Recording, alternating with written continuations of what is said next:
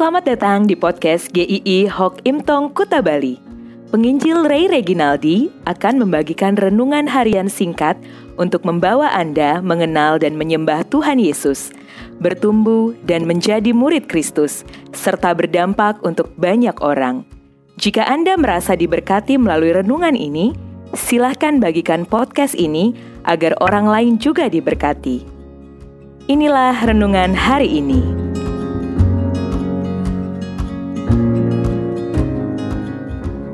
Mengampuni karena diampuni. Matius 18 ayat 35. Maka Bapakku yang di sorga akan berbuat demikian juga terhadap kamu apabila kamu masing-masing tidak mengampuni saudaramu dengan segenap hatimu. Tema-tema balas dendam sering menghiasi film-film silat atau kungfu di masa lalu. Namun beberapa film modern yang saya saksikan di masa ini juga masih banyak yang mengusung tema tentang balas dendam. Pembalasan dendam itu sudah begitu tua usianya, tetapi tetap berjaya di dalam hati banyak orang. Mungkin ada yang berkata, "Saya nggak pernah balas dendam kok." Iya, mungkin banyak orang yang memiliki kepahitan, kebencian di dalam hatinya, tapi tidak membalas dendam. Namun, terkadang itu tidak membalaskan dendam bukan karena tidak mau, tetapi karena tidak mampu. Sebab orang yang dihadapinya lebih berkuasa dari dirinya sehingga ada orang-orang yang tersiksa di dalam batinnya oleh kebencian, tetapi tidak sanggup untuk membalas. Tuhan Yesus dalam perumpamaan tentang pengampunan dalam Matius 18 ayat 21 sampai 35 mengisahkan ada seorang yang berhutang kepada raja 10.000 talenta. Ini sebenarnya jumlah yang sangat-sangat besar dan tidak mungkin di zaman itu seorang hamba berhutang segitu banyaknya. Seperti diduga, dengan hutang begitu banyaknya, begitu besarnya, tidak mungkin dia mampu untuk membayarnya. Sehingga dia harus menerima ganjaran hukuman yang berat setimpal dengan hutangnya itu. Namun raja melihatnya dan berbelas kasihan dan memberikan pengampunan kepadanya. Bayangkan, dengan hutang yang begitu besar yang dia tidak akan sanggup bayar seumur hidupnya. Tapi dilunasi, dibebaskan.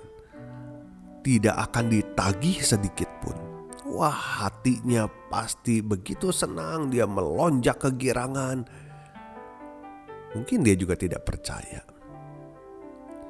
Tapi cerita belum selesai orang yang diampuni dengan begitu besarnya ini ketemu dengan temannya yang punya hutang 100 dinar. Ini jumlah yang masuk akal untuk dilunasi. Dalam bekerja berbulan-bulan dengan menabung pasti akan bisa dilunasi. Perbandingan dengan hutangnya yang dilunaskan raja itu begitu jauhnya. Bagaikan langit dan bumi. Tetapi orang ini mencekik leher kawannya ini, memaksanya untuk membayarnya, tidak mau memberikan waktu sedikit pun untuk pelunasan, tidak mau mengerti kondisi kawannya ini, dan menjebloskan ke penjara. Oh, sungguh memalukan dan keterlaluan.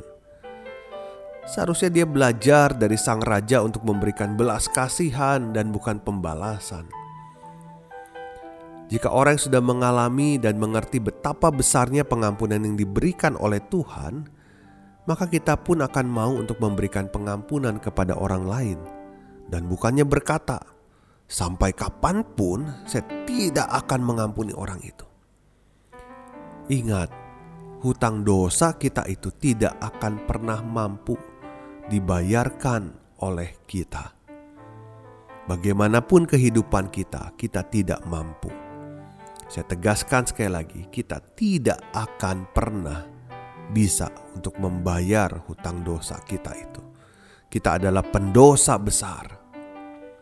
Tetapi itu sudah diselesaikan oleh Tuhan Yesus dalam pengorbanannya di kayu salib. kita tidak perlu membayar sedikit pun, tidak akan ditagih lagi. Inilah yang menjadi dasar untuk kita bisa melepaskan pengampunan, bukan menyimpan kebencian, kepahitan, bahkan membalaskan dendam. Waktu tidak akan menyembuhkan luka di dalam hati kita. Hanya kasih Tuhan Yesus yang bisa memampukan kita untuk mengampuni orang yang bersalah kepada kita. Ingat, kita adalah orang-orang yang menerima pengampunan yang tidak ternilai di dalam Tuhan Yesus. Jangan seperti hamba yang tidak tahu diri itu. Jadilah anak Tuhan yang penuh belas kasihan untuk mengampuni. Jangan simpan dendam dalam hati, karena itu akan merugikan diri sendiri. Lepaskanlah pengampunan, karena itu akan membebaskan kita dari sakit hati dan memberkati orang lain. Sampai jumpa di episode besok. Tuhan memberkati.